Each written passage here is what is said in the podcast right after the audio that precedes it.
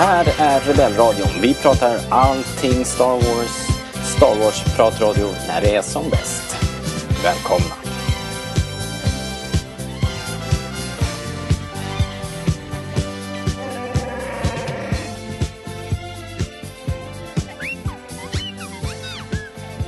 Du lyssnar på Rebellradion, svensk Star Wars-podcast i samarbete med Star Wars.se och jag som hälsar nya och gamla lyssnare. Välkomna heter Robert Lindberg. Idag är vi i Bromma-studion för första gången, eh, otroligt nog. Ja, Det har inte blivit av förut, men här är vi nu. Och eh, vi, ja, det är ju jag och Fredrik. Hej! Hej! Eh, välkommen till mig, hem till dig. Ja, tack. Ja, är det bra? Det är, ja, nu är det. Nu, nu händer det grejer. Shit alltså. Det är ju... Jag vet inte, vi knorrade säkert förra gången på att det händer ingenting. Men eh, när det väl regnar, då jäklar öser det. Ja, För nu har det ju varit eh, Disneys mässa, ja. D23 Expo och eh, vi hade förväntat oss en trailer, en Mandalorian-trailer. Men vi fick lite mer. ja lite, lite. Så att, ja, vi har ju massor att prata om. Dels det då förstås. Trailer, trailers galore. Och sen så har jag varit på roadtrip dessutom till Göteborg till en svensk eh, helt ny startad eh, mässa som heter Ecobase. Som vi ska prata lite grann om och eh, lyssna på ett par intervjuer därifrån. Så, without further ado, nu kör vi.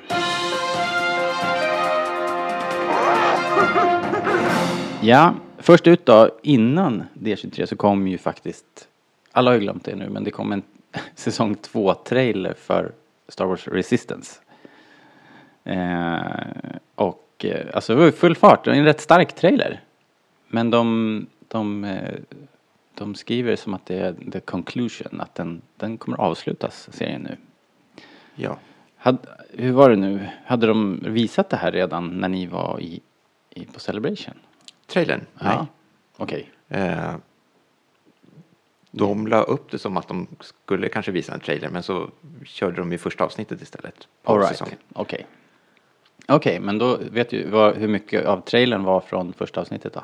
För det kändes väldigt som att de körde hela jävla säsongen i trailern. Oj, nu pratar du som att jag skulle komma ihåg det. Ja, det var inte så minnesvärt. eh, jag kommer ihåg att jag gillade det avsnittet. Men såg du till exempel, i trailern får man ju se Kylo Ren till exempel.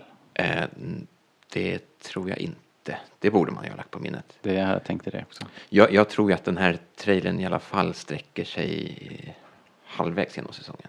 Ja. Så får vi se. Det är, väl- det är väl ungefär så som det har varit förut. De visar inte liksom det som är absolut slutet.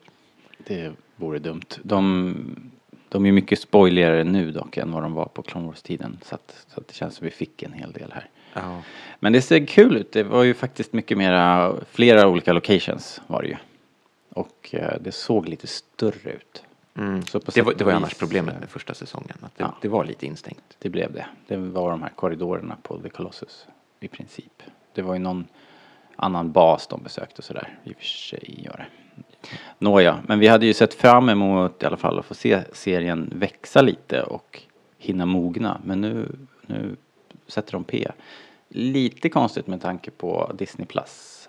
Som de ju måste fylla med nytt innehåll då. Ehm, och så sätter de punkt här.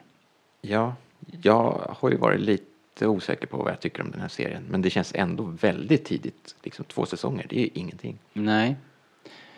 Det kan ju vara av nöden tvunget också för den utspelas liksom, går ju ett parallellspår eh, med filmerna nu och eftersom de viftar med eh, rätt tydliga skyltar så här att Skywalker-sagan tar slut så kanske vi kanske når en sorts slutpunkt här som gör att eh, det helt enkelt inte är, är en bra miljö att fortsätta i. Vad vet vi?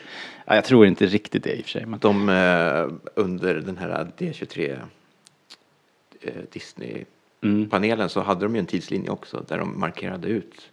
Ja, just det.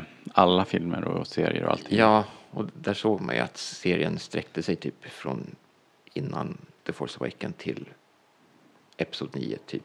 Så punkt. Ja. Före eller under Episod 9, det kanske man inte såg. Nej, strecket slutar samtidigt där Episod 9 är. Så jag Ja. vet inte exakt. Det är var- svårt att veta. Ja. Eh, Fast det kan ju i och för sig vara skönt att ha ett konkret slut liksom. Att, eh, ja. För det har väl varit problemet kanske med The Clone Wars liksom. Att de hade inte riktigt en slutpunkt. Nej, man vill ju inte hamna i den sitsen. Nej. Ska vi slänga in det också då? Att Clone Wars, det annonserade de ju också ut. Det var ju inget nytt egentligen, men de sa att den skulle ha premiär i februari, tror jag. Ja. Det var nytt, väl? Det visste ja, vi inte. Nej, det visste vi inte. Så att den kommer också. Men vi har så himla mycket att snacka om, så vi, ska, vi släpper de här eh, små serierna. Hoppas att de eh, gör något nytt då. Disney, eller Lucasfilm Animation måste göra någonting, så att det kommer väl något nytt då. Det tror jag säkert. Tänker jag. Framöver. Ehm, ja, D23, deras, det är ju Disneys stora mässa där de presenterar allting. Men då var det ju då eh, Star Wars-dagen var på fredagen, deras tid. Det blev ju som natten mot lördagen här och då körde de eh, en stor presentation av Disney Plus som är den nya streamingtjänsten. Kommer att ha premiär i mitten, eller vad blir det, början av eh, november. Drar de igång Eh, va? 12 november. 12 november. I USA. USA, Kanada. Kanada, Nya Zeeland, Australien och Holland. Ah, Av någon jävla anledning. Vi vet inte riktigt Sverige än. Tidigare någon gång såg vi eh, ehm, en, en roll-out-plan och då var Sverige med i, troligen i det blocket som är första kvartalet nästa år. Exakt vet vi inte som sagt. Men i alla fall. så vi ska flytta till Holland alltså. ja, precis. Hur, en sån här båt på en kanal. Ehm, Ja, sa du det? Eh, att Västeuropa beräknas till första halvåret nästa år. ja, precis. Ja. Exakt. Så, eh, eh, första kvartalet tror jag. ja första kvartalet till och med kanske. Tror jag. Okej. Och där ja. räknas vi med då hoppas jag. Vi hoppas det. Är vi i Västeuropa? Är vi Västeuropa? Eh, vi är bästa i Europa så att det Bästa, borde ju... eh, ja i alla fall. Eh, under den här eh, D23 Expo hade vi ju, vi visste redan att det skulle komma mycket Mandalorian för att det var liksom, det är ju dragplåstret, det är deras flaggskeppsserie. Så att vi satt och väntade på den trailern. Men vad händer då? Eh, Kathleen Kennedy står på scenen och babblar och helt plötsligt börjar hon prata om en gammal kompis. Eh, vi ska spela upp ett ljudklipp här får ni höra. After secrets and fibs and not being able to talk about it, I am thrilled to bring out a beloved member of the Star Wars family. Music swells.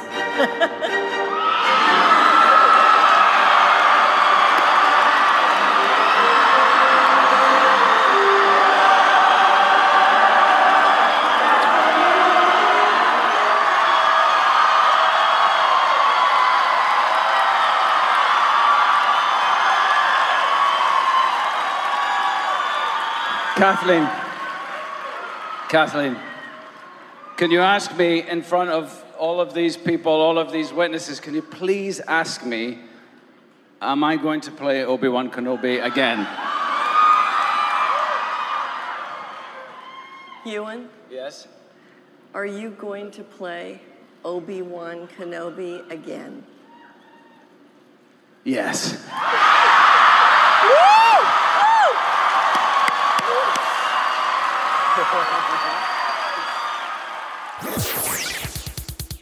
Ja, det här var ju smått magiskt. Jag såg, eh, jag såg dina eh, små mess Fredrik när du satt och live-kollade på den här streamen. Ja. Du hade nästan gett upp, eller hur? Det, det, det, var, det var jobbigt att sitta och titta. Klockan var två eller över två på natten på lördag morgonen. Ja, de hade ju ingen officiell stream heller. Jag hittade en liten ful stream, någon som filmade med en mobilkamera. Ja, ah, okej. Eh, och man fick ju aldrig se några trailrar heller, så att det, det var Jobbigt. jättejobbigt. Ja. Men sen så kom det här och Och du hade så liten bild då, antar jag, för att du var först i dina meddelanden så här, va, va, vad är det som händer? Ja. Är det Johan? Ja. Johan McGregor? ja, jag, jag blev lite medryckt av situationen. Ja men superkul ju, det har ju ryktats eh, liksom. Eh, alltså det var, ju, det var ju väldigt trovärdiga källor till slut som gick ut och sa att nu blir det en Kenobi-serie. Det var ju Variety och vilka det nu var. Collider. Ja, Stora sajter som inte brukar liksom ha så här clickbait-länkar egentligen. Utan, nej. Men det tog ändå ett tag innan vi fick liksom det officiella. Ja, för vi då i vår tur var lite motvilliga när det här ryktet började surra igen. Liksom. För vi har ju typ postat det där ryktet nu en gång i halvåret de senaste åren. Eh, för vi har hört eh, liksom trovärdiga rykten från alla möjliga håll men ingen riktigt så här tung outlet. Men nu kom det då. Och, och så, så vart det ju riktigt eh, svart på vitt nu, eller supertydligt då.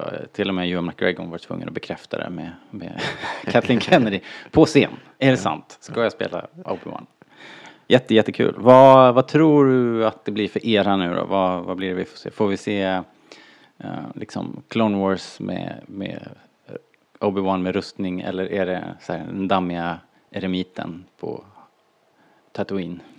Det känns ju mer troligt som att det blir eh, Tatooine. eh, Mm. Liksom. Eh, Den här, äh, ja det har ju skrivits i alla fall en bok om, om den tiden, hans exil liksom. ja. Ja. Alltså det jag, det jag är frågande till det är ju, det är ju vad det ska handla om. ja. ja. Jag funderade också på det. Det, det måste ju såklart eh, handla och kretsa kring hans uppdrag på Tatooine. Så att frågan är om man kommer få se en, en liten Luke eh, springa omkring där på gårdsplanen och han sitter på kullen och tittar. Men, och då kan det ju vara så att det kommer I tio avsnitt. Empire, Imperiet eller resten av Imperiet eller någon Warlord börjar snoka där. Vi har ju också mål som aktivt letar efter Kenobi. Vi har, Det är ju frågan också. Kommer man våga liksom dubbeldippa med mål? eh, ja, eh, För det var väl egentligen en ganska konstig grej att man avslutade den i Rebels. Speciellt nu när, när vi har haft honom i solo också. Liksom. mm, mm, precis. Och att man lyfter upp, nu hade de såklart hoppats göra mer efter Solo och liksom kanske använda mål till någonting där. Frågan är om de plockar upp det nu då. Men då, men då lirar det ju inte riktigt med Obi-Wan eftersom i Rebels så är det ju uppenbart att de inte har sett så, så och, och, och eller kanske de har men, men men Mål vet ju i alla fall inte säkert att Obi-Wan är på plats där på Tatooine riktigt. Han irrar ju omkring och ja. Så att det kanske är mera, de kanske måste hitta på en ny antagonist här. Men det kan ju fortfarande vara ett hot mot Luke. Han måste, hans identitet måste ju hållas hemlig. Ja, Och eh, det måste ju också till viss del Obi-Wans... Alltså han kan ju inte gå omkring och vifta med sin ljussabel eh, kors och tvärs. nej, det är sant. Eh, Men samtidigt så har vi ju liksom lite, lite information från filmerna innan liksom att eh, eh, Owen kallar ju honom för Crazy Old Wizard och Just det. han verkar ju ha lite koll på Moss Eisley också så att han kanske snurrar omkring där. Det måste han. Jag måste ju ha något att äta. Han måste ju ha sina Pringles och vad han nu lever på. Vad heter det? Ja men det är ju coolt. Crazy Old Wizard. Det är kanske det den kommer heta så här. Obi-Wan Crazy Old Wizard. Eller Kenobi Ja. Crazy Old Wizard. Eh, ja, det får stå för dig. Den kan ju inte heta Obi-Wan. Nej, den skulle heta Kenobi. Nej, Ben då? Ben. Ja, superroligt eh, roligt i alla fall. Eh, och, och en jätterolig, inte kanske, ja men det var ju en överraskning, det får man väl ändå säga. Kul att det Ja. vart bekräftat äntligen. Ja. Och Johan är ju en av de liksom mest hyllade skådespelarna. Ja, ni Från har omtyckt verkligen. Ja, den, den, de flesta är, är väl med på den båten. Ja. Liksom, att han, han var en av de stora behållningarna från prequel-eran, så att, jättekul. Tror att de skulle lyckas att få med eh, Liam Neeson också? Ja, det tror jag. Ja. För det är någonting, det skulle jag vara intresserad av. För att det slutar de ju prequel-trilogin med. Liksom att Mm. eh, Träningen där. träningen och att det finns någon koppling. Liksom, att Qui-Gon finns kvar. Ja, Yoda kan ju dyka upp. Asoka skulle kunna dyka upp. De är ju en del av det här spionnätverket och måste ju rimligtvis börja liksom samla ihop alla rebellkontakter och man vet aldrig. Nej. Det vore coolt. Um, vem skulle, ja, Kira är ju i farten också. Hon skulle kunna dyka upp kanske. Ja, just det. från solofilmerna. då. Ehm, ja, vi får se. Den är färdigskriven. Pre-production nu, ska spelas in efter nyår tror jag, tyckte de sa. En annan tv-serie som också är på gång är ju Cassian Andor. Eh, de sa inte så mycket om det, mer än att den är på gång och eh, ska börja pre-production efter nyår. Så den ligger liksom efter Kenobi då. Ingen titel. Gjorde de en liten sketch på där. Eh, Alan Tudyk tyckte den skulle heta, vad sa han? K2 Fast, K2 Furious. A Cassian Andor Story. Eh, Den är ju lite, lite klurig. Jag hade gärna haft nå- någon liten eh, informations... De sa att det skulle bli en spionserie. Ja, men det vet vi ju sedan tidigare liksom. Mm. Att, Men det var väl den enda informationen. ja, ja. Ja, men vi släpper den för vi har, vi har ännu mer att prata om nämligen. Eh, För att när det där var klart eh, så var det dags för Kathleen Kennedy att presentera den här flaggskeppsserien The Mandalorian. Och eh, vi hade ju spekulerat innan, blir det en trailer, blir det en sån här eh, featurette, det är roligt att göra film, backstage-film, eller blir det det som visades på Celebration? Men det blev en helt ny trailer vad jag förstår. Ja. Och eh, så här lät den.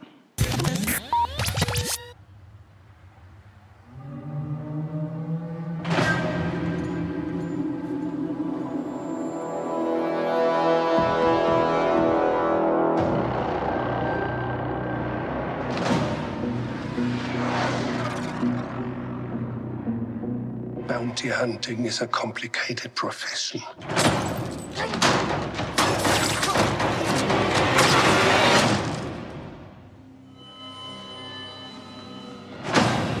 Don't you agree?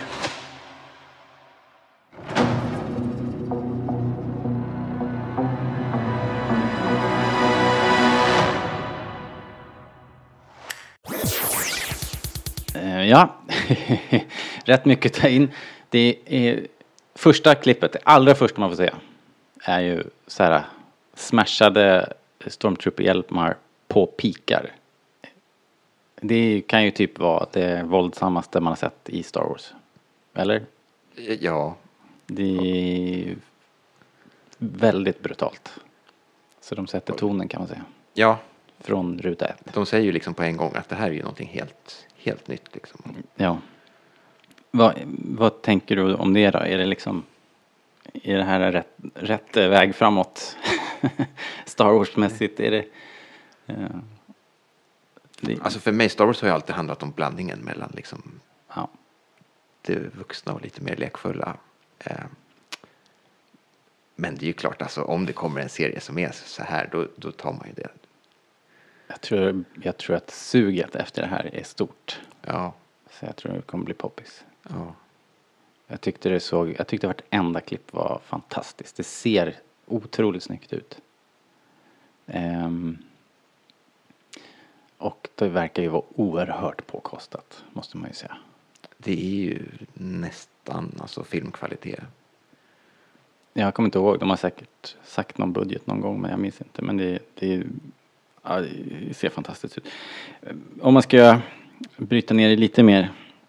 Vi har ju för er som är intresserade så finns det klipp för klipp. eh, Alltså alla bilder finns på Facebook på rebellradion.se och på starwars.se.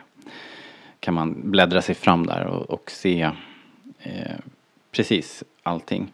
Eh, kanske ska nämna musiken också. Eh, kan vara så att det här är Ludvig Göranssons första lilla score snippets vi hör.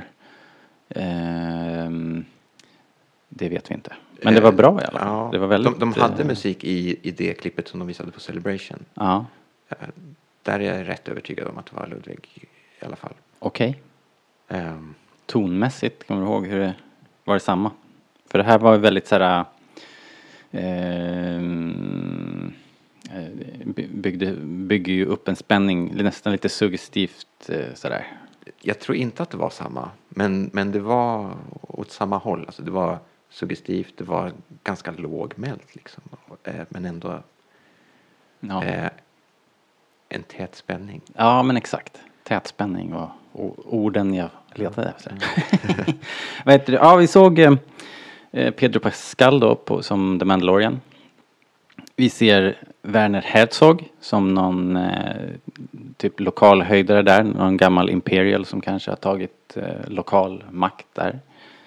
Gissningsvis. Eh, Sen har vi, eh, ja han är väl den enda som har en replik också i den här trailern. Eh, På sin fräsiga, brutna engelska. Väldigt coolt. Sen har vi en IG-droid. Ja. Som, som eh, ja, kan ju vara IG-88. Förhoppnings, Nej. förhoppningsvis. Nej. Nej. vet vi att det inte är det? Vi vet att det Hur vet vi det? Sa de det? Eh, ja, det Okej. snappade jag upp någonstans i alla fall. Ja, Det måste ha varit under panelen.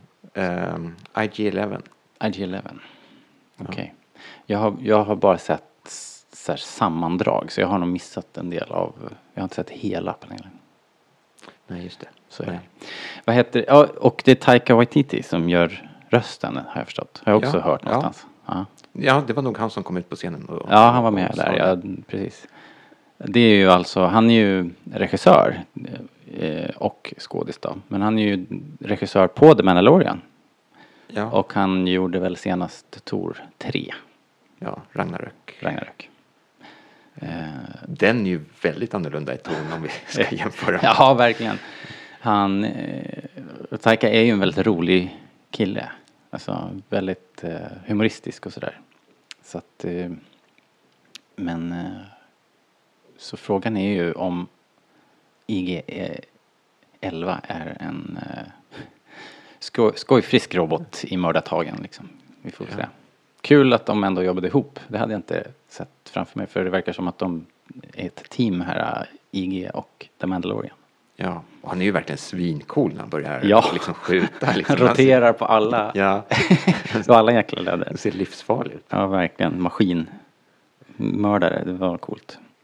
Eh, sen får vi se eh, Carl Weathers titta förbi. Han verkar vara typ uh, hotellmanager där. Eh, Gina Carano svischar förbi. Hon ser också lite Mando ut liksom. Eller hur? Mandalorian sådär. Eh, Gissar jag. Ja, kanske. Jag vet inte. Eh, Det vet man ju inte. Men sen har vi en kille som heter Giancarlo Esposito. Han är också någon officerstyp där. Han är, jag känner honom från Breaking Bad. Som eh, en av knarkkungarna där. Ja, jag har inte jättestor koll på honom. Men, men eh, ja, Han är Man- med, eh, vänta nu, han är med i någon Marvel-serie också. Kanske då Luke Cage och sen så är han med i The Get Down tror jag. Två Netflix-serier där. Ja. Okej. Bra skådis. ja. Men där tycker jag det blir spännande om han är någon slags avdankad imperieofficer. Mm.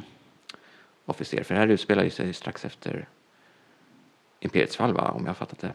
Ja, det är ju efter Jedi några år. Ja. Så att det verkar ju vara anarki och som de här överlevande, alltså imperiet bryts upp och sen så är det väl några då som tar, blir som krigsherrar liksom och har kvar en del av armén och, Ja. och styr vissa regioner. Så att vi ser ju troopers, både stormtroopers, vanliga stormtroopers och vi ser death troopers. Det Heter- förvånade mig. Ja, Det var jag inte alls beredd på, för det har vi inte sett så mycket förutom Rogue One och, de dyker och Rebels kanske. I Rebels va? Ja. ja. Eh, så det är nice, det börjar knytas ihop liksom. Ja. Och de är så jävla coola så det är gladeligen. Det är ju, alltså det kommer ju nya troopers hela tiden, men, men Death Troopers, där lyckades man ju verkligen att fånga någonting som kändes. ja den här hjälmen är Ja. cool alltså. Den är lite hårdare. Ehm, var det något mer trooper? Nej det var det kanske inte. Men vi ser en ATST.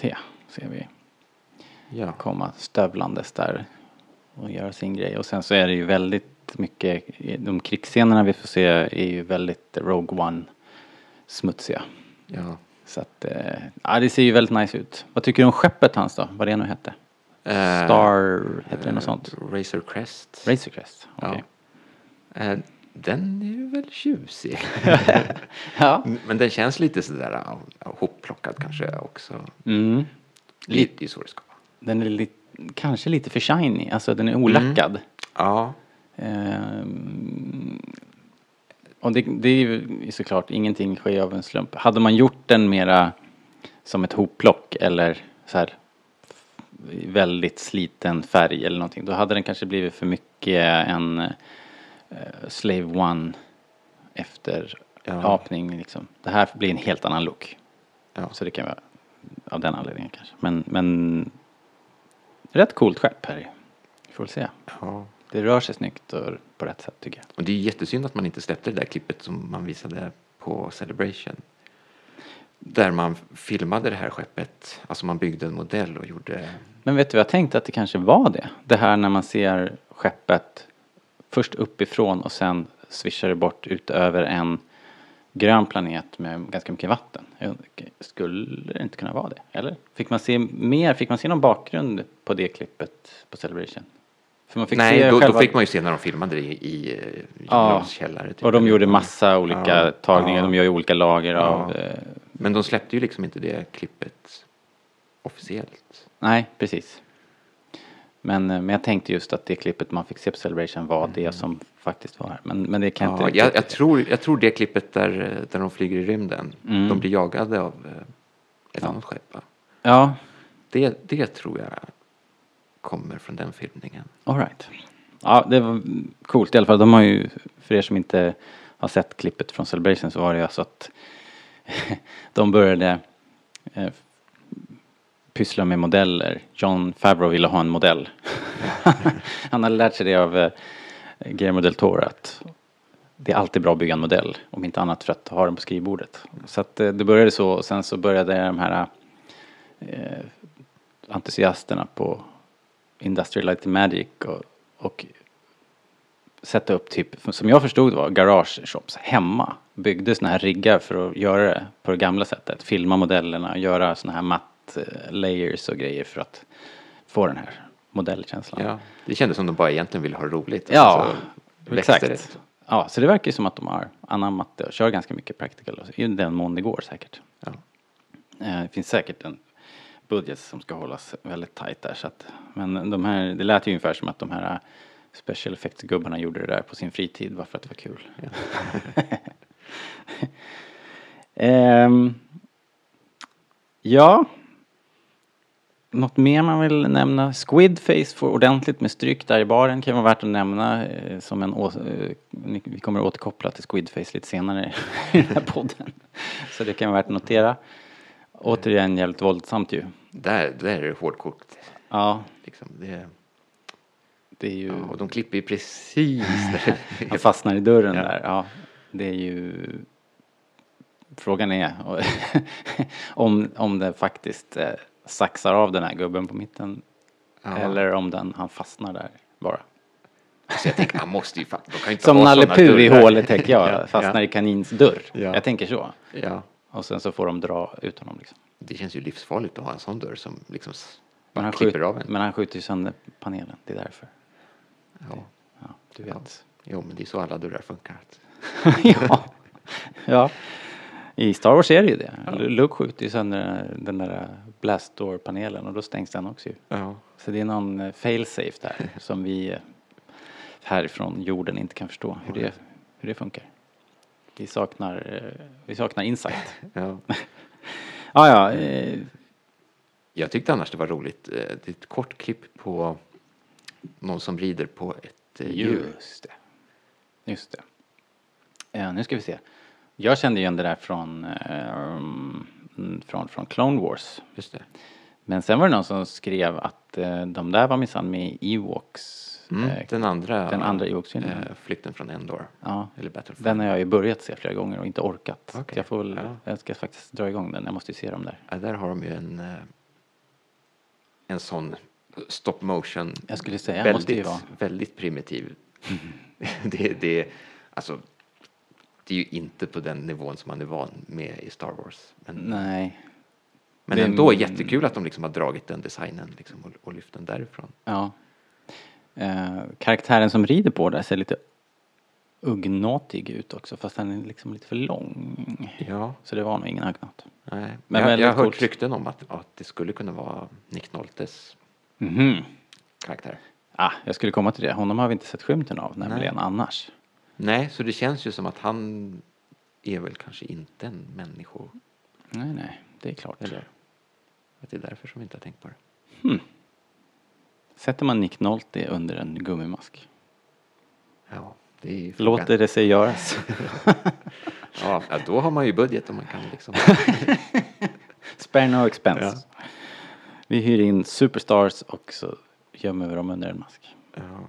Ja, ja det är ju coolt. Men eh, du, om du inte känner att det är något mer så måste vi gå vidare. Nej, va? Vad säger du? Det, Ja, men ja, kolla. Karboni, eh, karbonit. eh, Eller karbon.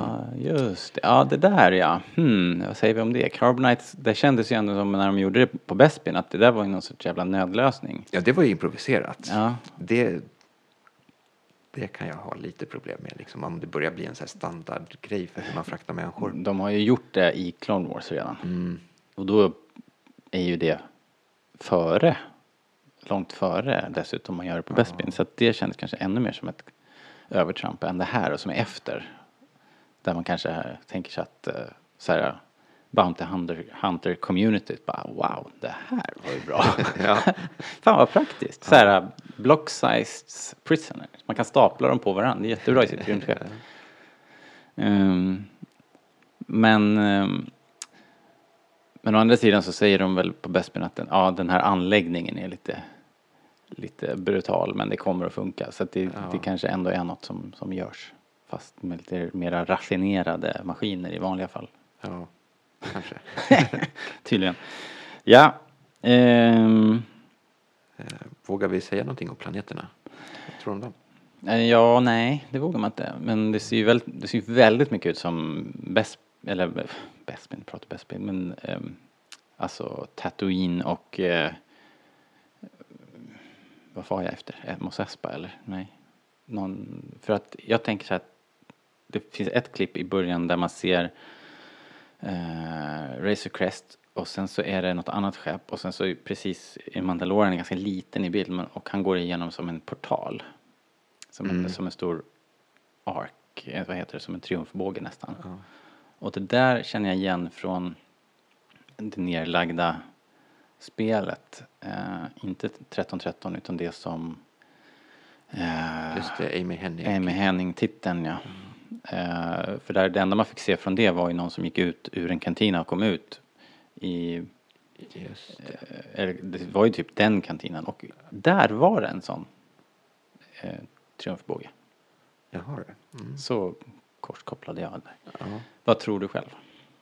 det känns väldigt mycket som Tatooine. Ja. Alltså, sen började jag fundera på, eftersom vi hade den här äh, blurg-djuret, det här riddjuret. Eh, och vi, direkt efter så får vi se en, en eh, Twi'lek som blinkar mot oss. Just det, supercool också. Mm. Jag har glömt vad hon hette, skådisen. Men jag måste säga att Är det en känd skådespelare? Ja, hon är känd från Game of Thrones och något mer. Jo, Okej. hon är ju ett, ett, ett Tink i Harry Potter. Heter hon va?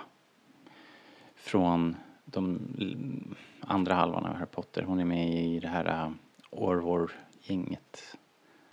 Du är inget Harry Potter-fan, ser jag nu. Jag har ju sett Blank. dem. Ja, ja, jag känner att jag Nej, men de är ett gäng Aurors som eh, skyddar Harry Potter och hon är en av dem. I filmerna har hon väldigt liten roll, mycket större i böckerna. Jaha, okej. Jag tror för hon heter Tink eller Eller Twink. Tonks. Tonks. Tinks. Tanks. Ja, ja. Ni som vet, Eh, ni vet. Det är den skådisen i alla fall. Ja, men då tänkte jag i alla fall att det kanske, kanske får se Ryloth. Just det. För den är också lite ökenaktig. Okej, ja det har du rätt i. Med canyons och grejer. Ja. Correcto mundo. Ja, det kan det vara. Det vore ju kul. Ja. Jag, ju- tänker att det här klippet när skeppet eh, flyger över Det spruckna stora landskapet. Ja, Ja. det ser ju väldigt annorlunda ut. Det var någon som skrev på Facebook att det såg ut som en kladdkaka. Ja. Det gjorde det också sen när jag såg det igen. Ja, det är svårt att inte se det. Eh, ja men det kan det vara förstås. Sen tänkte jag att det, det mera gröna, vattniga, att det kan vara Mandalore faktiskt. Okej, eh, har de det där? Eh, Inte ja. också Mandalore ganska karg planet? Eller? ja, jo från Clone Wars ja, så är det ju det Ja. nästan som en saltöken. Men det är ju, känns ju som av budgetskäl i och för sig. Okej. Det kanske Ja. finns en baksida på Mandalore som är grön. Ja, det har du rätt i. Ja, då vet jag inte. Ehm, Kan vara nya planeter också helt och hållet. Ja, antagligen är det väl det. Kan det vara så att ehm, jag tänker hela tiden att de vill knyta ihop och vill få in sina parker också. Vad heter den då? Just det, Batu. Batu. Skulle förvåna om de inte kom dit vid något tillfälle Ja. faktiskt. ja, där känns det som att de börjar leka mer och mer. Mm. kommer en bok nu i Ja, just det. dag när vi spelar in. Hoppla. Vad heter den? Det är någon agentgrej va? ja Black Spire tror jag. Black Spire, ja. Just det. Ehm, ja, det är spännande i alla fall. I november då. Eh, ska man se den i Sverige så får man hålla sig till nyår, efter nyår någon gång. Ja. Men vi kommer väl återkomma till det här. Vi kommer, det kommer bli svårt att hålla sig från att göra en podd om The Mandalorian känner jag. Alltså någon form av Just nu så känns det ju nästan som att den står, oj vad den står högt upp på Ja, listan. verkligen. Jag är så supertaggad. Och just när man har tänkt det att fan vad jag längtar efter Mandalorian. Vad händer då? Fredrik, vad gör de då? Då blir det måndag och då släpper de en trailer. Ja, för The Rise of Skywalker. Ja, vi går vidare till Rise of Skywalker-trailern.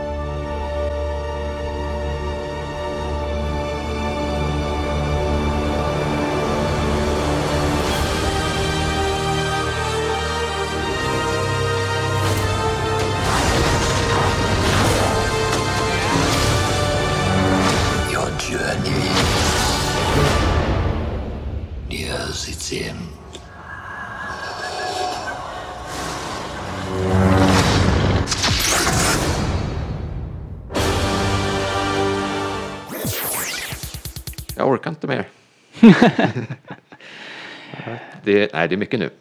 Det är mycket nu.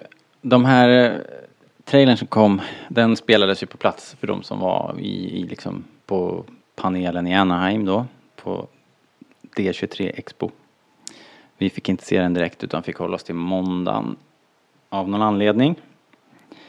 Eh, den heter ju The Rise of Skywalker A Special Look och börjar med som ett collage eh, av, ja, från mest Original Trilogy.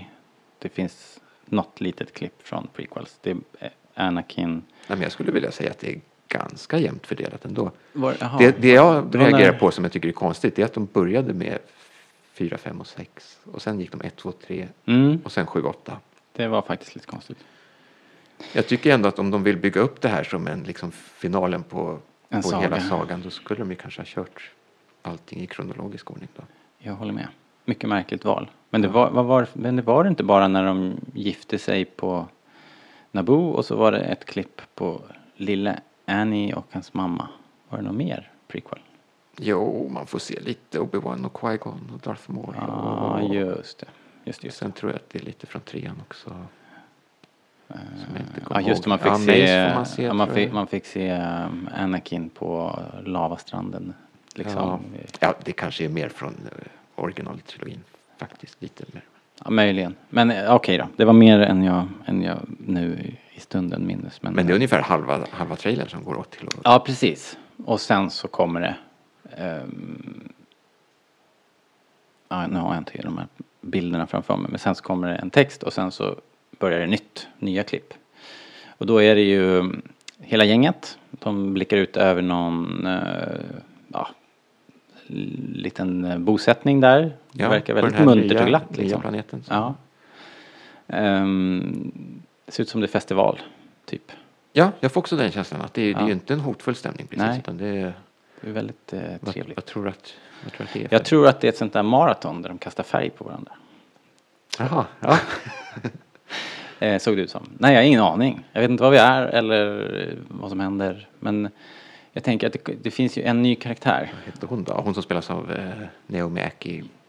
Är inte det hon? Det är in... Naomi Jo, Aki var det kanske, ja. Just det. Så heter hon, ja. Hon var på Celebration. Ja. Ja, ja, ja i alla fall. Jag tänker att hon hör hemma där. Men det är ju bara, här är ju bara, nu bara chanser hej vilt. Eh, sen efter det eh, så får vi se, vad får vi se då? Är det då, eh, Massa skepp är det väl. ja just det. Och det blir man ju glad av. Det här är ju, ja, först får man se en rebellflottan komma farande. Ja. Det är ju en. X-vinge, det är B-vingar, det är A-vingar, det är Y-vingar, det är en korvett och något annat som inte vi kan identifiera riktigt. Nej, som ser väldigt suspekt ut. Lite med falken size. Ja, Liksom. ja.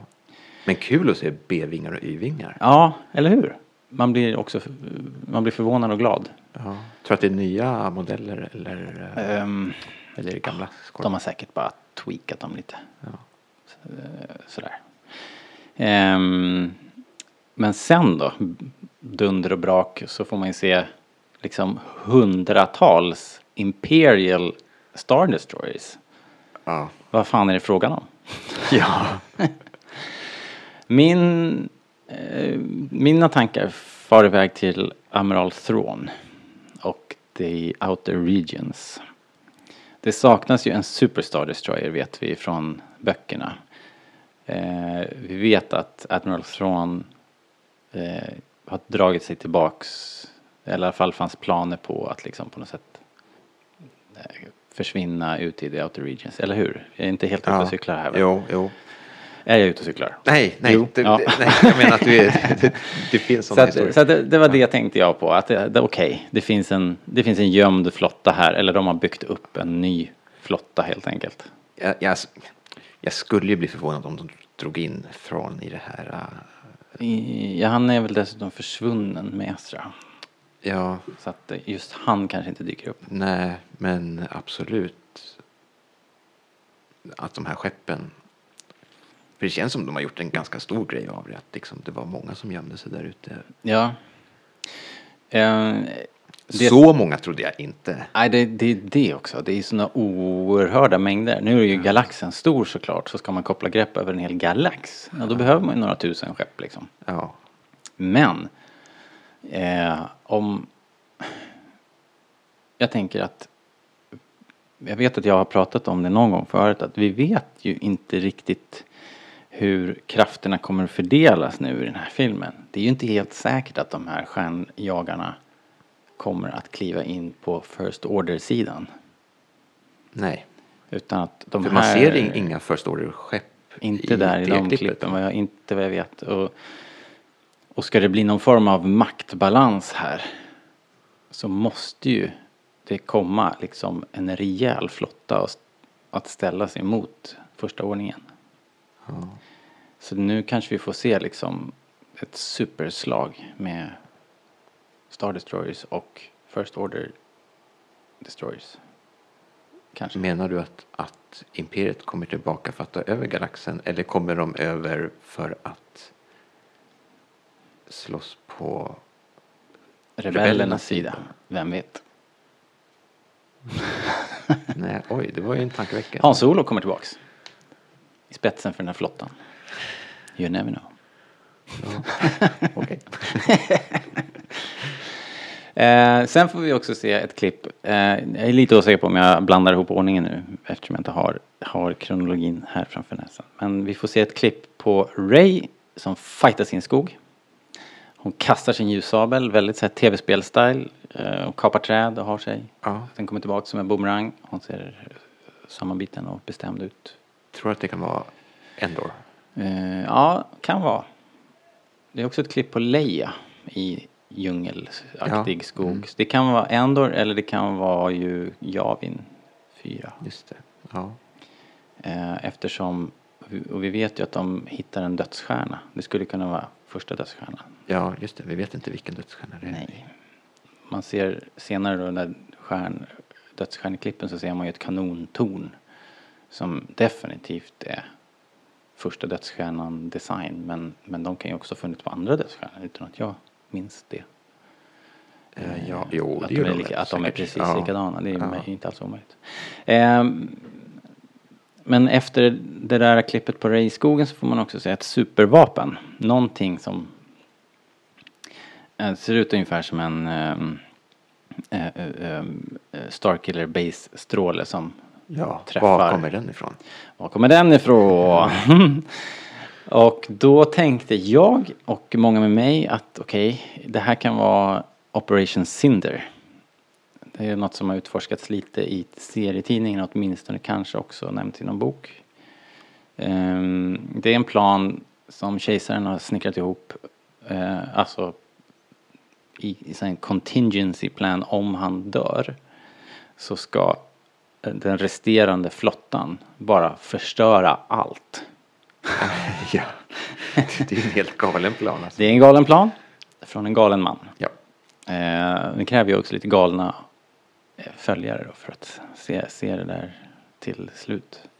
Eh, men där finns det i alla fall i serietidningarna då någon sorts eh, eh, strålvapen som är, det är inte en bas som ser ut som en dödsstjärna eller så utan det är mera en, tänker en, en hel drös med mm, stora eh, solpaneler eller paraboler i omloppsbana som liksom samtidigt skjuter ner. Okej. Så Ett sånt, den typen av vapen. Det här är ju bara spekulationer naturligtvis.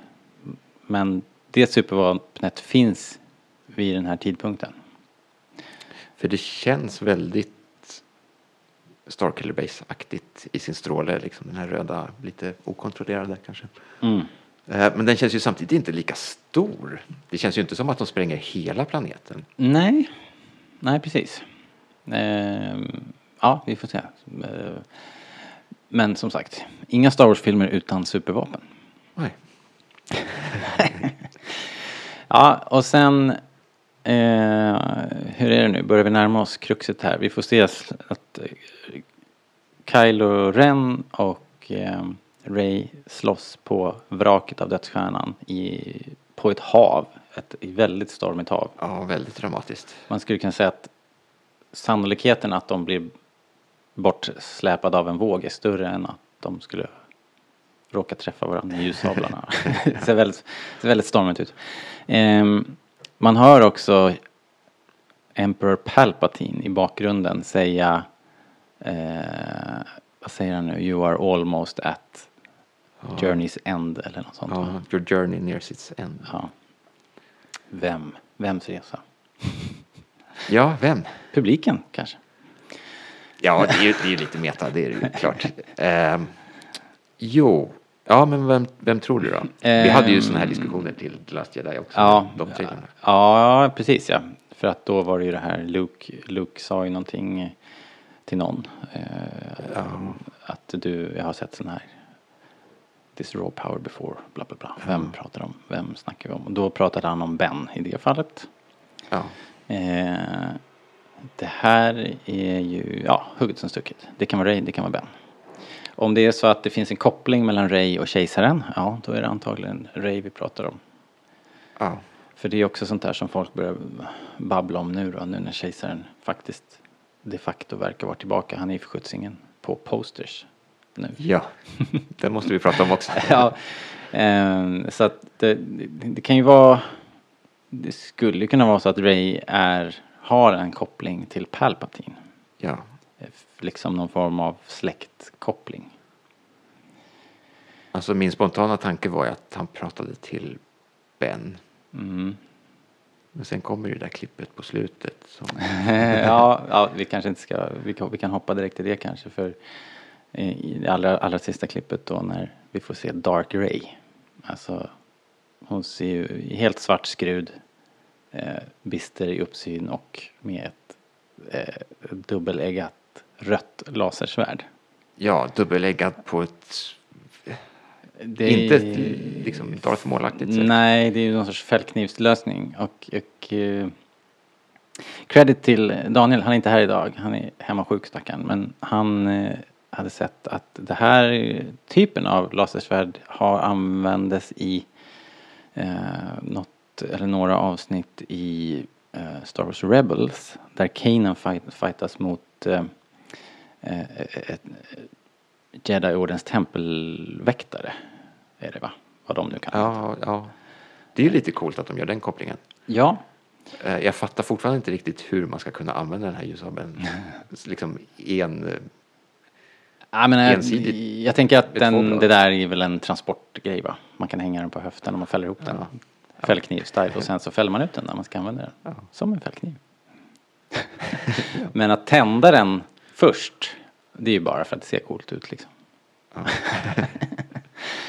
Eh, men hon ser ju, det ser ju häftigt ut men jag måste säga att det är något konstigt med det där klippet. Hon ser väl ganska stel ut. Hon ser inte så, det ser nästan lite, mm, i- det ser nästan lite ihopshoppat ut på något sätt. Ja, Hennes ansikte på den där kroppen, jag vet inte fasen vad som pågår det här. är någonting som inte stämmer. Någonting är lurigt ja. Ja, Eh, och vi Ja. hade väl en del diskussioner innan vi började spela in. Eh, om, är det verkligen Ray? Ja, eh, precis. Och här har ju alla en egen favoritteori om är det Ray, är det Rays mamma, är det en Evil Twin, är det en klon, är det en... Eh, ja, det finns ju alla varianter. Men, men vi kanske ska hålla oss till vad vi tror. Har, du någon, har du någon favoritteori? Eh, om, om jag ska välja en så... Ja, man, man, kan man ha flera favoritteorier? Eh, ja, Okej. nu kan man det. eh, nej, i så fall säger jag att det är en eh, vision. Mm. Jag har så väldigt svårt att se att, att Ray ska kunna bli så mörk på en film. Hmm, vad har vi sett det förut? Ja, okej.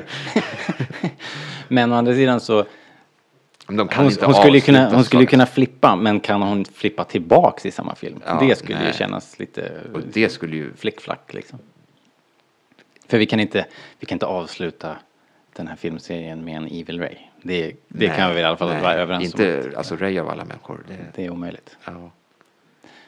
Um, alltså du tror på en, en ren och skär, någon form av uh, Luke i grottan vision? Eller Ja. något sånt? det är väl min primära Ja. teori.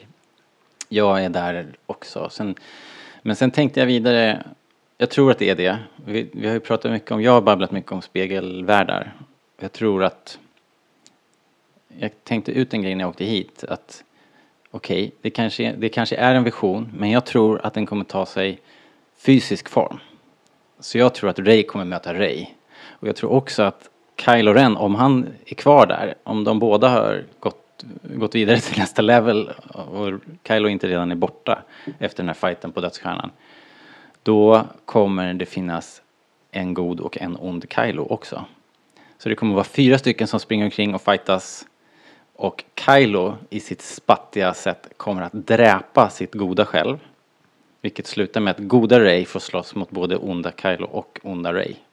Okej, det här är på något slags metafysiskt Ja, det blir, de är i någon form av eh, spegelvärld. Ja, det låter ju lite lagom flummigt. Jag gillar ju sånt. så kommer det- bli asknasigt. Eh, så det här eh, kan ni skriva ner. Det här det är min, eh, mitt hot tip for the day. Ja. Ehm, och allting orkestrerat så här av eh, Palpatine som på något jäkla sätt har manifesterats och kommit tillbaks. Ja. Nej, jag, jag gillar när det Eh, och sen så får vi se då hur den här enorma flottan och allting spelar in i det här. Det mm, blir intressant. Men jag tänker att en sån enorm kraft som den här flottan representerar måste ju också sätta, det måste sättas punkt efter den här filmen ju. Allting handlar ju om det. De- De säger att det, det ska avslutas nu. Det är det som gör mig så förvånad över den här trailern. För att Mm. Jag tyckte att jag hade lite lagom koll på liksom, hur det skulle kunna spelas ut. Ja. Och det känns som den här trailern, den är ju helt galen. Alltså, den, den bara presenterar saker som, Allt det här borde vi ha sett inför The Last Jedi tänker jag. Ja. Det här är mellanfilmsgrejer. ja, när allting ser som mörkast ut. Så det är förvånande. Det är jättesvårt att veta vad det här tar vägen. Ja. Även om jag just nu har talat om precis vad som kommer att hända. ja, Spoilers. alltid svar på tal. eh, vi, eh, precis innan det här klippet med, med Ray så hör vi ju Vader också. Jaha, gör vi det? Ja. Andningen eller? Andningen, ja. Ja. Ehm, Kan han komma tillbaka också? Nej. jo, det, jag har inte tänkt så mycket på det. Men det har jag hört andra som har tänkt mycket på. alltså eh, Daniel och Linus som ni hör i podden här ofta. De, de har väl snackat om Vader en hel del. Eh, och att då Anakin, alltså att Hayden Christensen faktiskt dyker upp. Det ser jag ju gärna. Det vore coolt. Ja, men det skulle ju knyta ihop säcken väldigt bra. Ja. ehm, och vem vet, han kanske har han kanske liksom har den verkliga nyckelrollen också. För Ja. att han är ju trots allt the chosen one. Så han skulle Jo, kunna vara precis. den som liksom Ja, styr alla på rätt spår till slut. Han har redan gjort den här resan ju. ja. Men jag ska säga, han, han var ju på Celebration också. Han såg väldigt fräsch ut. Okej. ja. ehm, ja, jag tror han dyker upp. Ja. Det vore coolt. Vi kommer säkert få se Yoda igen också. Åtminstone som ett sånt där litet Ja, spöke efter, på slutet. efter The Last Jedi så... Så här i eftertexterna. Ja, vad, vad tror du om uh, Obi-Wan då? Nu när vi har Ja, McGregor tillbaka. allting är ju, ja. För han, McGregor var ju också på The Last Jedi-premiären. Han har ju varit, Ja, han spelade in en liten grej till The Force Awakens. ja ju, exakt, någon liten, ja just det, den här Force Vision-rösten. Ja. Så han är ju liksom och nosar i utkanterna. Det är inte alls omöjligt. Eh, ah, vilken jäkla trailer. Det är svårt faktiskt. Fortfarande, det är ju så himla kul. Det här är ju vår bästa tid. Det är väl, vad är det nu, 110 dagar kvar Någonting sånt. när vi spelar in.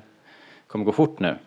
Det är höst och det kommer ju bara hagla Star Wars med tv-serier när han kommer här och eh, eh, det kommer ett tv-spel eh, om en månad eller vad det är. Just det. Eller, Ja. eller två. Och så vi, det, det är ju verkligen fullt upp. Ja. Eh, Såg du förresten det här klippet som eh, läckte under D23? Som sades vara från det här eh, som de hade visat från eh, The Rise of Skywalker. Det var filmat med en mobil, det var väldigt skakigt och väldigt suddigt. För i det klippet så fanns det ju men, scener som vi inte såg i den här trailern. vet du vad? Jag läste nämligen, eh, jag läste en väldigt så här, detaljerad bara beskrivning av vad de hade fått sett. Ja. Och sen så tänkte jag, var det här verkligen det jag hade läst när jag fick se? Och så, det var nog inte riktigt samma. Eller? Nej, de måste ha klippt om den lite. Ja, jag tror det också. Det där kan ni få forska in i som Jag lyssnar. jag har no några liksom, minnen av att jag sett några saker som inte, Som, inte som inte stod med. med. Ja, en grej som vi glömt nu är ju kanske det allra viktigaste. Evils 3PO. Ja, Vad är, what, what the hell is going on? Ja. Röda ögon på 3PO. Röda ögon på robotar, det är aldrig bra. nej det ser ju lite läskigt ut. Ja, de är alltid onda då. De är i så här eh, i, i mördarmode. Han, han har, någon, har flippat kill switch. Ja. Jag, jag, jag hoppas ju att han får en, en mycket större roll än han har haft. Men alltså vi, vi vill inte ha, vi har haft mördar, mördar 3PO en gång förut.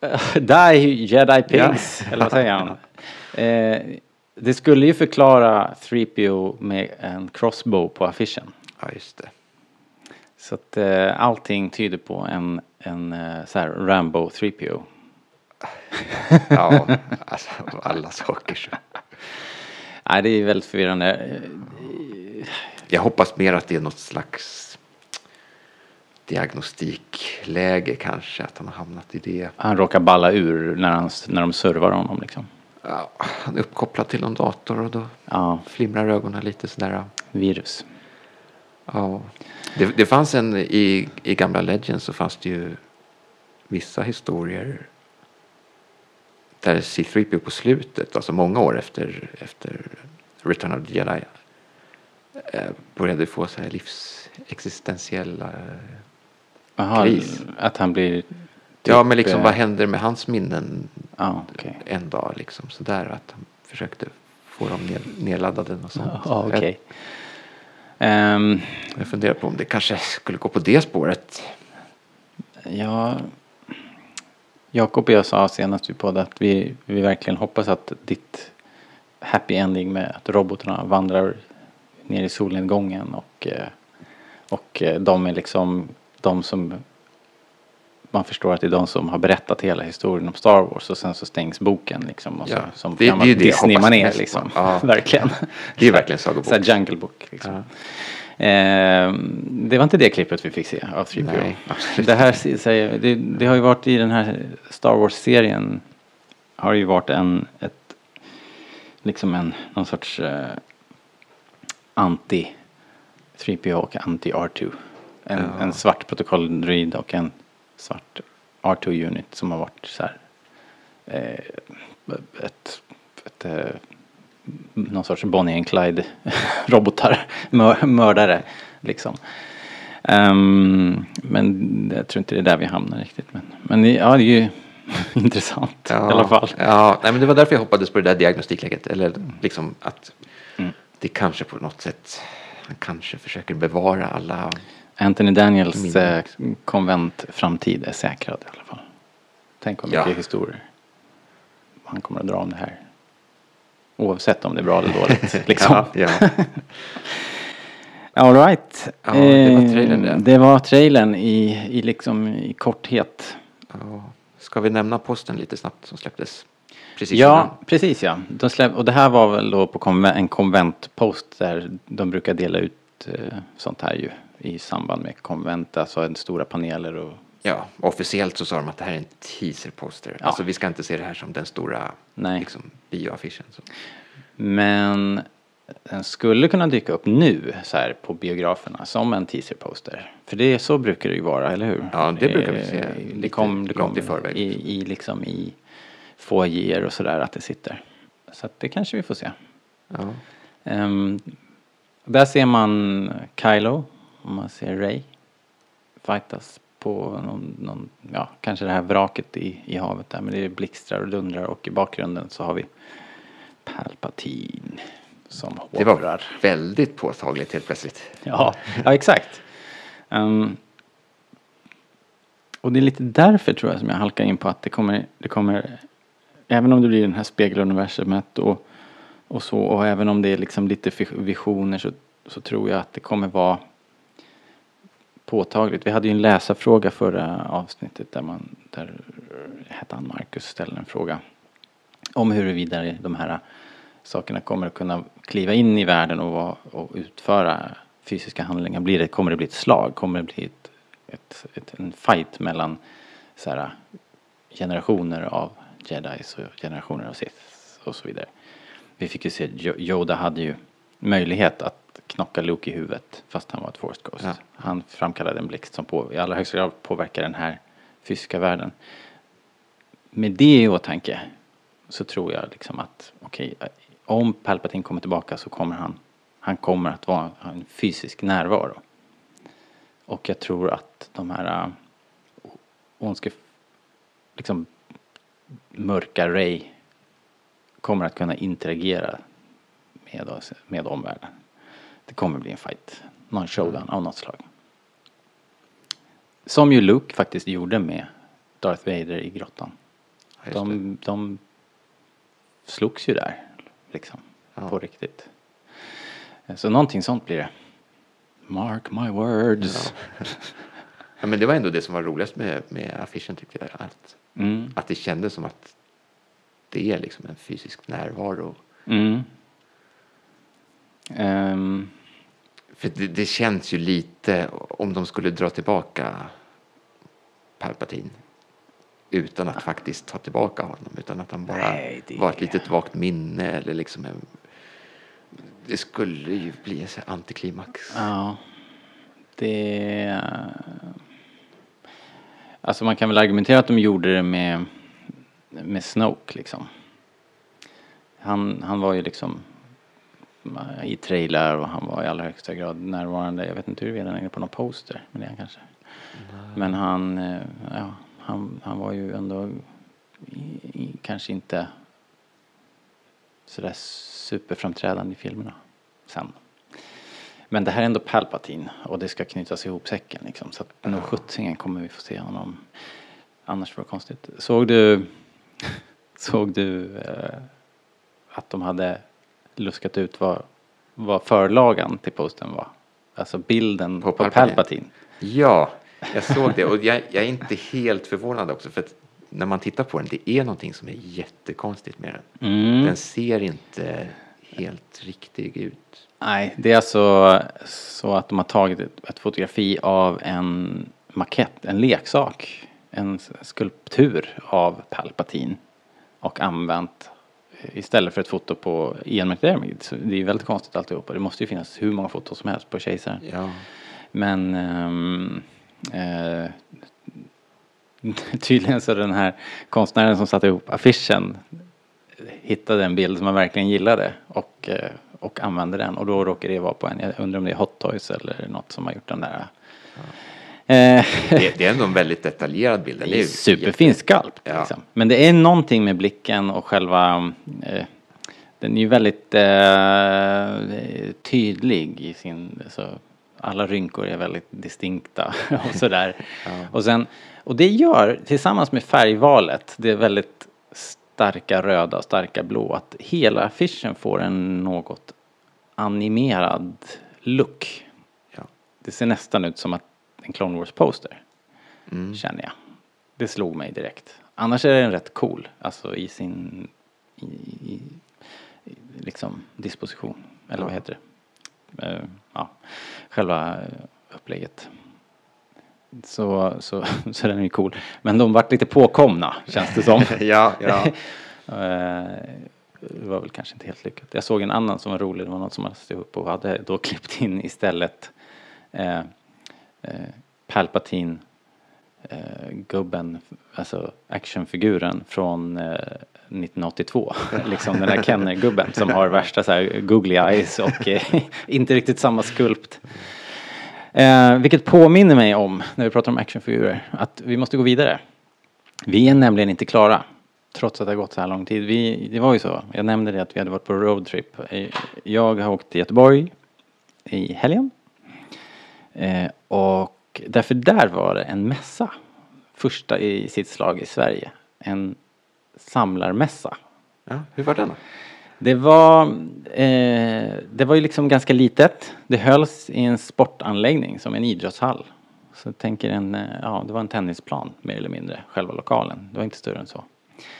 Men det som var helt unikt var att det var full fokus på leksaker från 70 80-talet. Alltså vintage, det som vi kallar för vintage Star Wars toys som, vi, som jag samlar på och som ja, många med mig.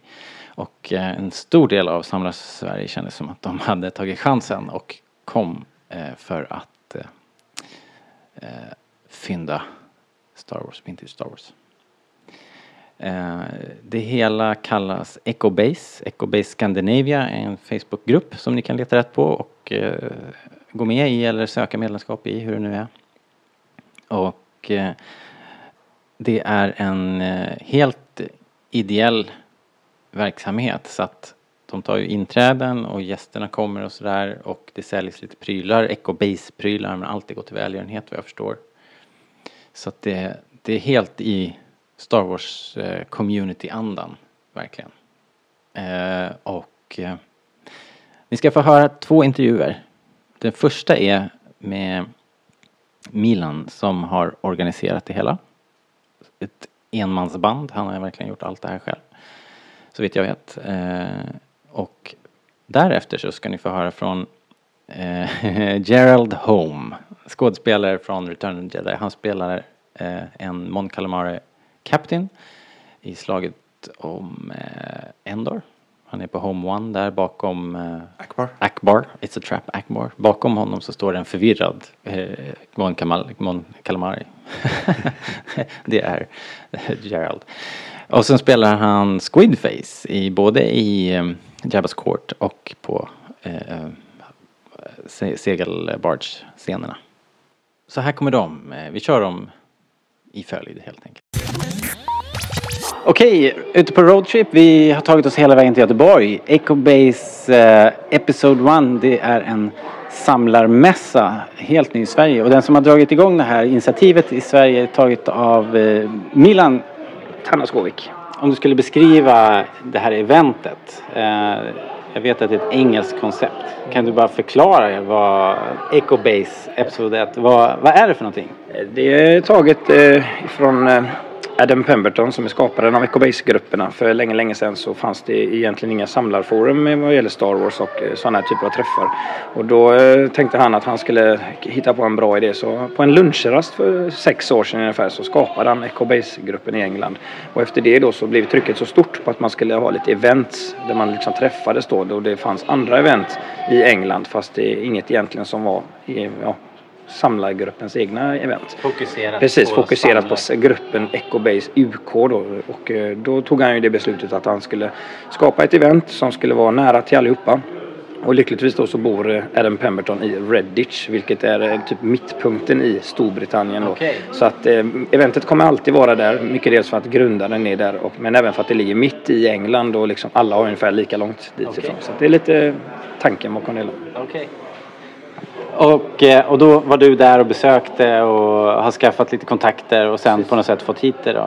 Jag var det första gången för eh, två mässor sedan och, eh, och så nu har jag varit där på två i rad där då. Och på den första mässan så, så fick jag en fråga eh, från Adam och hans team där då liksom vad man skulle kunna göra i eh, Sverige eller i Skandinavien för att locka till sig fler eh, besökare från just Skandinavien till England för de tycker att det är en sån stor dominans då med besökare från genomgående nästan bara England då.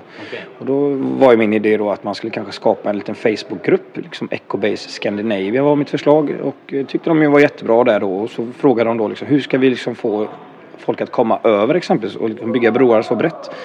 Och då var ju min tanke då liksom att om man börjar med att skapa ett Ecobase live-event i Sverige och liksom får konceptet att ja, flyta in lite i hur, hur vi gör här i England, i Sverige och så kanske man kan börja locka till sig fler via det då. Så att eh, huvud, hu- huvudtanken med detta är ju att dels ha ett event i Sverige för de svenska samlarna men även för att kanske då liksom folk ska tycka att det här är en wow-upplevelse och att man liksom vill se det ännu bättre. Eh, Åka till England och lägga den tiden.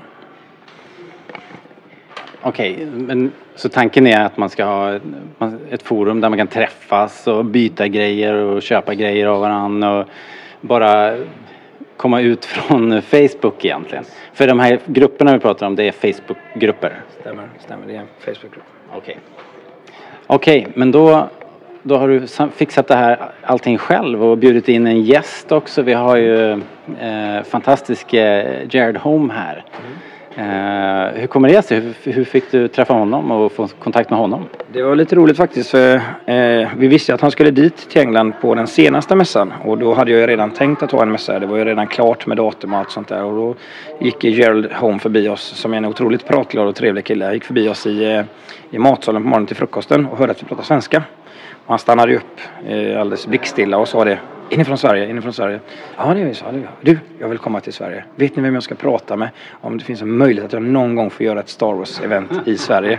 Och det var lite roligt då för han ställde frågan till mig och Ronny Angren då och Martin Ludvigsson som var där senast. Och det, då började vi skratta lite. Jag tänkte sagt, jag är lite som, eh, som eh, som, som en önskan man får att någon ska ställa en sån fråga. För i vanliga fall är det ganska svårt att eh, locka till sig gäster om du liksom inte har något fantastiskt erbjudande. Och, och i detta fallet så blev det lite, lite röd matta för våran del att lägga upp ett koncept. Och han köpte det redan där och eh, det första steget med bokningen gjorde vi redan på plats där då. Men sen så har det varit många turer efteråt som har gjort att till slut så blev det klart. Då. Men eh, hans önskan att komma till Sverige, eh, hans egna önskan att komma till Sverige förenklade ju väldigt mycket. Så att eh, halva el- elogen vill jag nog ge till Gerald också som verkligen vill komma till Sverige. Men resten har ju varit min förtjänst. Vilken, eh, vilken fantastisk sammanträffande. Det var ju, det var ju superlyxigt. Ja men kul. Jag tycker sammanfattningsvis att, att det här har varit supertrevligt. För att det, även om man, om man skulle jämföra, det är ju en jätteliten mässa. Men det är ju mötena som är roliga.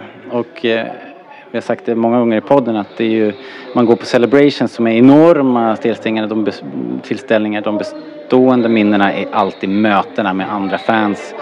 Och, eh, och det får, man får det precis lika mycket här. Väldigt familjärt, jättetrevligt. Så ett stort tack. Tack för att vi fick komma hit och superkul att du har dragit igång alltihopa. Tack så mycket.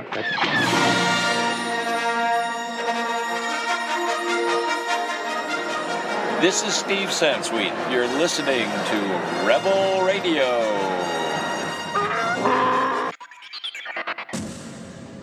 Då så mina vänner, vi har haft sån tur. Eh, Vi har fått hit eh, skådespelare Gerard Home. Känd från eh, Return of the Jedi. Gerard Holm, welcome to the Rebel Radion podcast. Well, thank you very much. Thank you very much indeed. Uh, maybe we should start. Uh, maybe you can tell the listeners uh, what your contribution is to the Star Wars universe.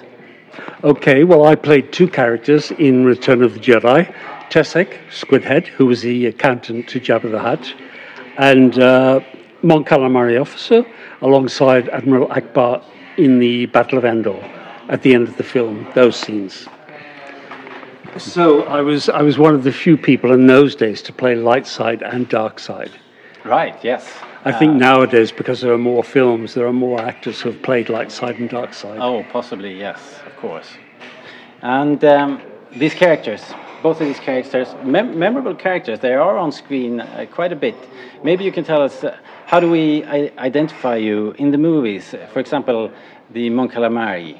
Uh, is there something about him maybe uh, that makes him uh, stand out on screen? Okay, very nice question. Uh, if you go to the Battle of Endor, behind Akbar, who's sitting in his chair, there's a very confused looking Mon Calamari running around trying to work lights on the wall, which don't work. Uh, but I, he, he looks very confused. That's me. and if you want to go online and Google confused Mon Calamari, you'll find some GIFs, or GIFs, don't know how to say that word, uh, about the confused Mon Calamari. Uh, Squidhead is a very different kind of movement. He was more graceful and more fluid and flowing. Uh, the Mon, Calamari was quicker, uh, more accentuated movements. Yeah, but if you want to, just before Akbar says it's a trap, you'll see the Mon Calamari officer point off screen left. right. C'est moi. It's me. Oh, that's certainly memorable. Um, what about the um, when you do uh, these kinds of roles? Uh, I imagine you don't get whole lot of uh, information about the characters. You get to make that stuff up on your own. Do you do you bother to make a backstory? That's a very interesting question. Nobody's ever asked it me before. Well done. Okay. The only directions I was given for Squidhead, uh, David Tomlin, the first assistant director, legendary, uh, lots of awards for Indiana Jones and things. He, he was the first assistant director. Film called Gandhi, about Gandhi. There were crowd scenes with hundreds of thousands of people. He directed those. So he is the link between a lot of the cast and the director. The director very often will speak to the main actors. First assistant will talk to everybody else. So uh, he said uh, he came up to me and he said, "Okay, Joel, uh, you're playing this guy called Squidface, uh, who was later Squidhead, and then Tessek." And he said, "Now you work for the for the most evil gangster in the galaxy, Jabba the Hutt." Okay, that was it. Okay. That was all. The, Okay. so, okay, I don't give myself a backstory. Uh, when I was a young actor, I am a method actor, but I went too far. I, I had this character. I tried to work out what star sign he was, and it was too much. Right. You know, an actor's got to use his information, his imagination. If you're playing a historical character, uh, then you do the research. But yeah, once you know you're a bad guy, you know how to move. You know how to play with your face and your tentacles. You think, hmm, I'm making schemes here. This is a special skill, though. Uh, working with these kinds of masks, you Uh-huh. can't really express. There are no facial expressions. No. Basically, you have to do everything with your body. That's right. And you were a few guys uh, hired for this spe- specific kind of acting. Yes, uh, Mime artists. That's right. You are listed, right? In, in if you look at the credits, right? That's right. Would you? Um, how would you describe a mime artist? Well, mime is talking, it's acting without words. The reason why they hired mime artists, people who could act, we weren't all actors. Some of, there are nine of us at the end of the credits, mime artists. Some were actors. One was a dancer. One was a street mime, you know, with a black, with Yeah, a white the- face. The classic one you think of, I guess. That's right, Yeah. that's right. But what we all had in common was that we were performers who could bring these characters to life without words. Now, as it happened, I had an audition during the film to, to speak as a Mon Calamari officer in experimental scenes with Akbar. I had two pages of experimental scenes, which were not in the final film. Uh, but I didn't tell you that uh, when I came to play the Mon Calamari officer, David Tomlin, first assistant director, said, "Okay, Joel, now you're you work for the nicest man in the galaxy, Akbar." okay, so that was the direction I was given. The whole of complete, the film. Uh, complete opposites. These guys. An actor loves. I did a film a couple of years ago with Japanese director. You might know him for J horror, uh, Ringu, The Ring. The Ring. Okay, uh, these movies are not for me. but no, I know them. but know but he them. he directed uh, the original one, Ringu. Okay. It's sort of poetic horror. Yeah. Okay. He, I was in his first English language film, Okay. and I had a scene with uh, Aaron Taylor Johnson, uh, Kick Ass. Yeah. He's the guy from Kick Ass. Uh, and it was myself, Aaron, and a young actor straight from drama school. And uh, he came up to me, Hideo Nakata, the director, and it was the best direction I've ever had in my entire life. He said, Aaron, when in your scenes with him, he typical teenager, he have no energy. But I see when you go big, big, big, he go big, big, big. So please, in scenes with Aaron, go big, big, big. So I did when I was with Aaron. I was doing all this sort of stuff, Yeah, yeah. Just, you know, all that sort of. And the more I did, I was outrageous. The Right. bigger Aaron's performance was. Yeah. Now, when it came to the girl, who was very shy, she was just out of drama school. Uh, he said, "Girl is opposite. Don't go big. If you make go big, you make her feel shy. Go soft. Throw away the lines. Go ha ha ha ha ha. This is a joke. This isn't serious." And that's how he got the performance he wanted from Aaron and the girl. Now, I think he's a genius because he worked out what Aaron needed as an actor, what the girl needed as an actor, and that I could give it To draw as an out actor. the best in both of them. And he said, Don't worry, when the camera's on you for your close ups, it won't be too big and it won't be too small, it'll be just right. Now, that is what an actor lives for, that kind of direction. But most of the time, you don't get direction. Uh, but I can remember drama school 40 years ago, 41 years ago. Uh, one of the teachers said, What would you do if you played a part and you didn't get direction? And of course, I said, Well, I would ask for direction. And he said, Wrong. Uh, you have to do it yourself. You're the actor. It's your job to act. It's not the director's job. If they give you direction, fantastic. You'll have the time of your life. But it's what's missing, I think, from a lot of Star Wars films. You know, directing the actors, saying, do, do that more, do that less. Yeah, Irving Kershner is uh, famous for bringing out The these- best. the, the best of these actors, and, Right. and it shows, right? In, Yes. that, in that movie, particularly. Um, Star Wars fans have been known to be uh, very dedicated. They can sometimes be uh, a bit much, maybe. they are very particular about their films. Uh, have you had any uh, memorable fan uh, uh, interaction? Okay, I haven't had many negative ones, so I'm not going to talk about those. I'm going to tell you a very, very nice one. It was at Celebration 3 in Indianapolis, I think in 2005, 2006. I was there as a guest. And this guy came up to me with, you know, long hair, tattoos up to his chest, looked very rough and scary. and uh, he put down a drawing in front of me. And it was a drawing of Squidhead, Tessek, with a tooth, you know, from your mouth, the tooth. Yeah. Uh, and I said, okay, cool, this is very nice. You have to explain it to me. And he said that when he was a child and he had to go to the dentist, he was very scared and he screamed and he wouldn't go to the dentist. The only thing that helped him go to the dentist was holding the squid head action figure. And I'm going to cry as I think of this, as I always do. Uh, and I said to him, but, but because I was fighting back tears, uh, then that was the point that I realized what we actors mean to a lot of Star Wars fans. You're part of the childhood. But to stop him seeing my emotion, I said, Yeah, but you didn't know it was me inside the costume. And he said, No, I didn't at the time. But now that I've met you, you're exactly what I pictured inside the costume.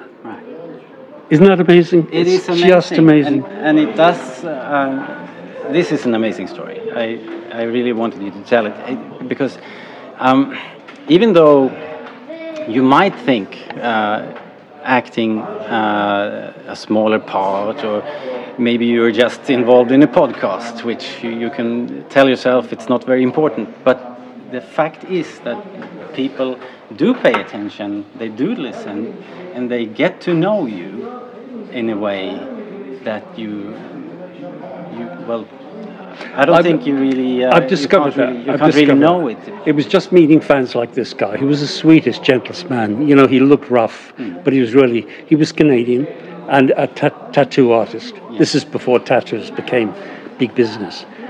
Uh, but yeah, yeah, it was a, a magical, magical moment. Fantastic. I want to thank you so, so much. I want to thank you for talking to me. I want to thank you for coming to Sweden and uh, visiting uh, the EcoBase Con here in Sweden. And I wish you all the best and the best of luck in the future. Thank well, you. thank you very much. My pleasure. May the force be with you and your listeners. Ja, det där var den fantastiska Gerald Home. Eh, en, en, en eh, som alla de här skådisarna i mask som har varit med i Star Wars och som gör konvent här och där och signerar så är de ju lite grann larger than life. Storytellers. Härligt faktiskt. Ehm, så stort tack till honom och eh, till Milan som har organiserat hela EcoBase Scandinavia. Eh, det var en fantastisk, trevlig tillställning. Nu, nu var ju inte jag där i Göteborg, men jag tycker det är roligt bara att det arrangeras sådana här grejer. Mm, verkligen. Alltså Sverige är inte så stort och liksom det, Nej. Nej, att det händer en precis. sån här grej, det, det ska man ju ta tillvara på. Ja, men jag tyckte verkligen det. Så det var värt att åka ner och, alltså, och det var verkligen eh, supertrevligt att, att det blev av. Eh, intressant när du säger det. Det var ju norrmän där. Eh, apropå att Sverige inte är så stort. Så är ju Norge bara hälften så Just stort. det. Men vad jag förstod på de här samlarna så är det liksom total så här pop, popkulturskugga i Norge liksom. De har, de har ingenting liksom. Inga mässor, ingenting. En fåtal Star Wars-samlare som de kände till. Och då, jag menar, de här internetforumen och det. Är inte det konstigt? Ja, så går det när man löser upp unionen. Shit. After all these years. Ja. Okej, Nej, vi nej, släpper det, den. Det, det, nej, förlåt. Jag tror att vi, har vi inte, har inte alla bett om ursäkt för det här? var det inte någon, var det, firade vi inte, eller sörjde 100 års jubileet eller vad det var? Jag kommer inte ihåg hur det var. Eller 100 år, det måste vara mer. Ja.